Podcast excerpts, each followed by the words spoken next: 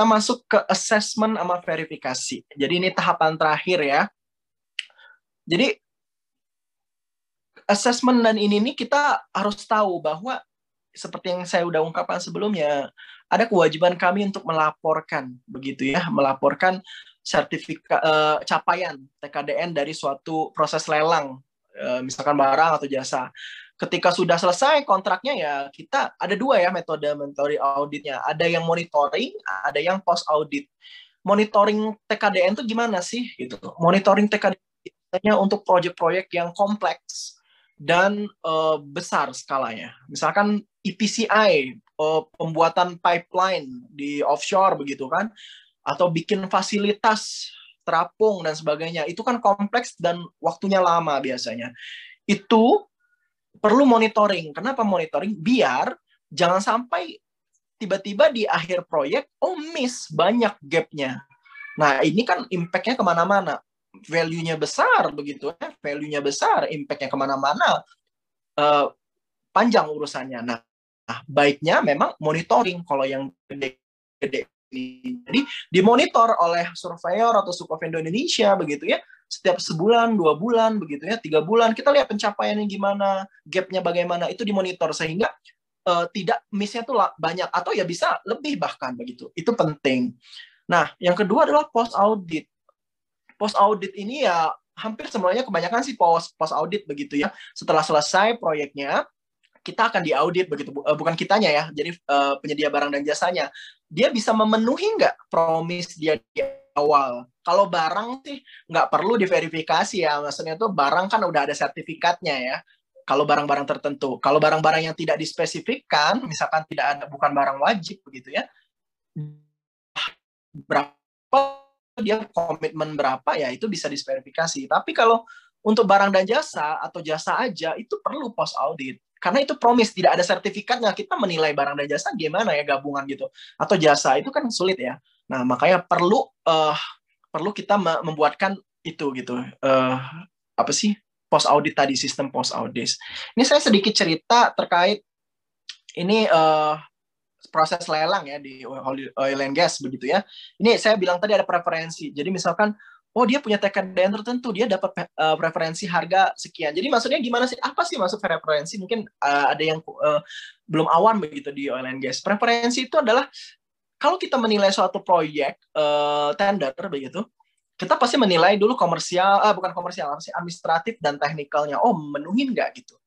Nah, sekarang masuk ke aspek kalau itu udah beres, kita masuk ke aspek uh, komersial. Nah, di komersial ini bisa jadi loh, bisa jadi uh, right to match atau orang pertama atau perusahaan pertama yang mendapatkan hak untuk dinegosiasi itu adalah perusahaan yang bukan menawarkan harga termurah. Kenapa? Karena ada preferensi. Jadi misalkan A, perusahaan A ini menawarkan harga 100 US dollar misalkan oh perusahaan B menawarkan 90 US dollar. Perusahaan C menawarkan misalkan 60 US dollar. Eh, ternyata yang menang bukan uh, yang bukan yang menang ya, belum tentu menang. Yang mendapatkan hak pertama untuk dinegosiasi itu bukan yang uh, bukan yang C yang 60 US dollar, tapi ternyata uh, yang 80 US dollar karena dia itu TKDN-nya lebih tinggi dari yang lain, dari A atau C sehingga dia dapat preferensi itu. Nah, preferensi inilah yang mendapatkan hak untuk dinegosiasi. Nah, kalau di aturan PTK yang baru itu dia harus turun ke harga penawaran terendah. Jadi dia yang yang beta dia harus dinegosiasi ke yang C. Harganya mau nggak dia? Kalau dia nggak mau, berarti kita ke peringkat selanjutnya. Peringkat selanjutnya siapa? Mungkin bisa A atau C gitu kan? Itu. Kalau PTK zaman dulu ya, eh, kita dulu itu tidak tidak harus seperti itu. Jadi bisa bisa kalau dia nggak mau turun, as long sudah di bawah HPS ya harga perkiraan kita atau owner estimate, dia bisa menang. Nah, ini ini betapa TKDN ini bisa mempengaruhi uh, proses tender dan juga mendapatkan privilege untuk menang atau dinegosiasi uh, dalam proses tender begitu. Nah, ini saya akan ceritakan proses tender di oil and gas ya pertama. Di sebelum tender ini ada proses uh, kita belum tender ini ini untuk vendornya begitu ya. Kita akan lihat. Ini yang saya namakan tadi SKUP migas. Ini surat keterangan penunjang migas. Jadi ini ada oh ini barangnya apa? Valve. Dia dapat uh, rating perusahaannya berapa? Rating ini bisa mendapatkan preferensi tertentu. Ada nilainya, ada nilainya ini. Itu untuk penilaian uh, siapa yang pertama kali dinegosiasi atau mendapatkan peringkat pertama untuk negosiasi begitu ya. Itu. Terus saya ingin tunjukkan ini sertifikat yang namanya sertifikat TKDN. Nah, ini contohnya ya. Barang ini biasanya barang uh, harus selalu barang biasanya. Ini oh produknya apa nih? Ini TKDN-nya berapa? Jelas semua. Jadi nggak bisa dalam proses tender itu vendor bilang, oh saya punya TKDN barang 60%. Gimana membuktikannya? Harus punya sertifikat ini. Kalau nggak punya sertifikat ini, nggak bisa kita akuin. Kita bisa anggap nol bahkan kalau dia nggak bisa membuktikan apa yang dia bilang. Gitu. Itu bisa nol gitu. Kita nyatakan itu nol. Bahkan ya bisa didiskualifikasi kalau tidak memenuhi syarat minimal TKDN. Itu di oil and gas begitu. Di yang lain saya pikir mungkin industri atau tender begitu ya ada aturan masih jadi sama mirip gitu. Nah, ngomongin dikit tentang gimana tadi mendapatkan sertifikat TKDN tadi? Mungkin Bapak di Bapak Ibu di sini ada yang dari uh, penyedia barang dan jasa ya, begitu ya. Penyedia barang dan jasa bisa tuh uh, gimana sih alurnya mendapatkan sertifikat TKDN? Ini alurnya. Nih. Ya, bisa dilihat nanti di uh, prosesnya ya. Ini ada proses uh, dia ke ke Kemenperin ya bisa bisa non fasilitasi uh, Kemenperin atau bisa mandiri juga ada ada ada cara caranya gitu. Nah ini biasanya yang akan membantu asistensi itu adalah Surveyor Indonesia dan Sukovindo. Jadi ada aturannya. Mengapa harus dua ini begitu? Itu memang ada aturannya yang diperbolehkan untuk uh, menampingi ini dan juga untuk memverifikasi untuk value tertentu begitu. Itu hanya Surveyor Indonesia dan Sukovindo. Pilihannya cuma dua itu, nggak ada lembaga lain. Di Indonesia nggak ada lembaga lain, boleh. Cuma dua ini. Jadi kalau mau dan sebagainya, silakan ke Surveyor Indonesia atau Sukovindo, begitu. Dan kami, kalau kami yang uh, uh, verifikator yang tersertifikasi ini di oil and gas, itu hanya boleh saya saya bilang 5 sampai 50 miliar saja. Di, uh, atau di bawahnya di bawah 5 miliar juga bisa gitu kita verifikasi. Di atas 50 miliar kita nggak boleh itu harus pakai surveyor sama Sukovindo. Itu ada aturannya begitu. Bahkan untuk cost recovery uh, yang gross split uh, bukan cost recovery untuk uh, perusahaan migas yang blok-bloknya pakai gross split itu any value bahkan itu harus pakai uh, surveyor dan Sukovindo Indonesia untuk memverifikasi karena kenapa kayak gitu karena kalau kalau uh, orang dari uh, perusahaan oil and gasnya sendiri yang memverifikasi bisa jadi ada konflik of interest jadi Efeknya apa? Efeknya adalah uh, pembagian bagi hasilnya untuk perusahaan migas ini akan lebih besar bisa jadi. Nah, ini makanya diantisipasi tidak boleh begitu. Any value harus pakai pihak ketiga yaitu surveyor atau sukovendor. Itu pretender. Jadi menyiapkan dokumen ini dulu nih sebelum tender nih uh, vendor-vendornya gitu. Nah, pas proses tender gimana sih gitu? Kan tadi udah dibilang bahwa kami orang procurement analis atau SCM analisnya di masing-masing company itu mensyaratkan oh kalian harus submit dokumen. Ini yang kita bilang itu uh, formulir uh, capaian TKDN begitu ya. Ada yang jasa ada yang barang begitu. Ini contoh ini contohnya saya ambil dari salah satu uh, apa sih perusahaan yang ikut tender.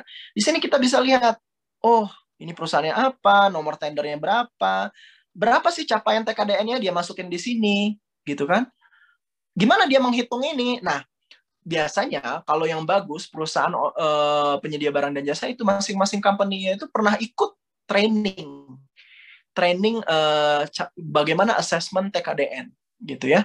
Nah, ini penting untuk biar apa yang kita kita janjikan di awal selama tender itu benar. Karena kalau tidak benar atau ada selisih besar ya bisa kena sanksi nanti pas di akhir kontraknya. Jadi penting bagi para vendor itu punya uh, orang yang pernah di training lah istilahnya untuk membuat ini. Trainingnya ke mana? Uh, banyak bisa di googling aja cari uh, banyak uh, perusahaan-perusahaan consulting begitu yang menyediakan dan rata-rata ya pembicara dan itunya tuh dari surveyor atau Sukovindo Indonesia dari dua perusahaan itu tadi aja pembimbingnya gitu ya.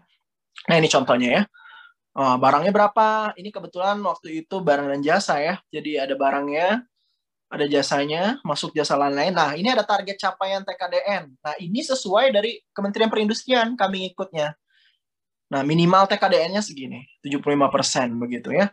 Barangnya berapa, jasanya berapa. Nah, sedikit saya ngasih tahu nih ya, bukan bocoran atau apa gitu ya, tapi seenggaknya orang yang mengerti eh, verifikator TKDN itu akan ngerti atau orang yang pernah training TKDN itu akan mengerti.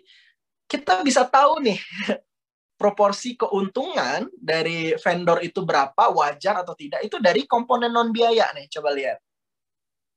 Nah, komponen non biaya ini adalah terdiri dari keuntungan, pajak-pajak dan lain sebagainya yang tidak termasuk uh, langsung dalam uh, pembuatan barang atau jasa itu. Nah, jadi kita bisa lihat nih, oh sebenarnya dia, misalkan ini proyeknya berapa nih? 1,23 miliar begitu ya. Komponen biayanya dia bikin 10%. Wajar nggak sih untuk kayak gini dia 10%? Wajar. Nah, yang justru nggak wajar, ada beberapa kali vendor itu yang mungkin dia nggak awam juga nanti TKDN. Dia asal aja isi. Dia tulis komponen biayanya nol. Mana ada perusahaan yang mau rugi gitu ya, bisnis sama kita masa keuntungannya nol, pajaknya nol ya berarti dia nggak bayar pajak atau apa gitu kan?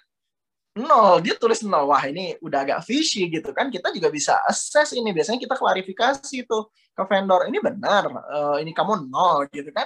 Atau jangan-jangan kamu nggak ngerti cara ngisinya. nah ini ini bahaya gitu. Bahayanya nanti kamu diverifikasi, kamu bisa kena gitu kan? Uh, komitmennya nggak sama gitu. Nah ini sedikit gambarannya proses tender. Sudah berjalan kita proses tendernya, kita sudah jalani kontraknya. Nah, ada post tender. Selesai tender itu, ini yang saya bilang tadi. Verifikasi TKDN. Nah, ini saya bilang tadi, verifikasi capaian TKDN terhadap pengadaan dengan nilai sampai 50 peniar, nilai TKDN yang dicapai lebih besar sama dengan 30%, wajib menggunakan jasa surveyor independen. Jadi kalau di atas 50 miliar sama dengan atau di atas 50 miliar harus pakai surveyor independen. Siapa di Indonesia yang di, dibolehkan oleh amanat undang-undang? Cuma dua, Sukovendo atau surveyor Indonesia. Ini industri hulu migas ya. Kalau yang lain saya jujur saya tidak tidak memahami secara detail uh, industri lain itu pasti ada kewajibannya masing-masing. Kalau di antara nol lah ya kita anggap 0 eh, sampai 50 miliar ini karena di bawah 5 miliar juga boleh sih gitu ya. 0 sampai 50 miliar yang menggunakan surveyor bisa pilih nih. Ah, kalau ini bisa milih.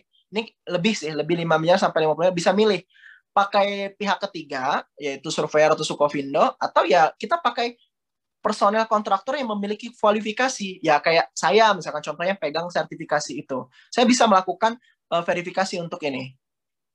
5 sampai 50 miliar. Begitu ya.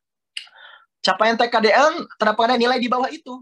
Uh, perhitungan capaiannya ya bisa pakai self assessment. Jadi sebenarnya yang di satu atau dua yang di atas 50 miliar atau uh, di bawah 50 miliar itu semua ada self assessment dulu. Jadi maksudnya apa? Vendor barang dan jasa ini menghitung sendiri uh, dulu berapa sih dia tuh nyapainya, dia komitmen 30%.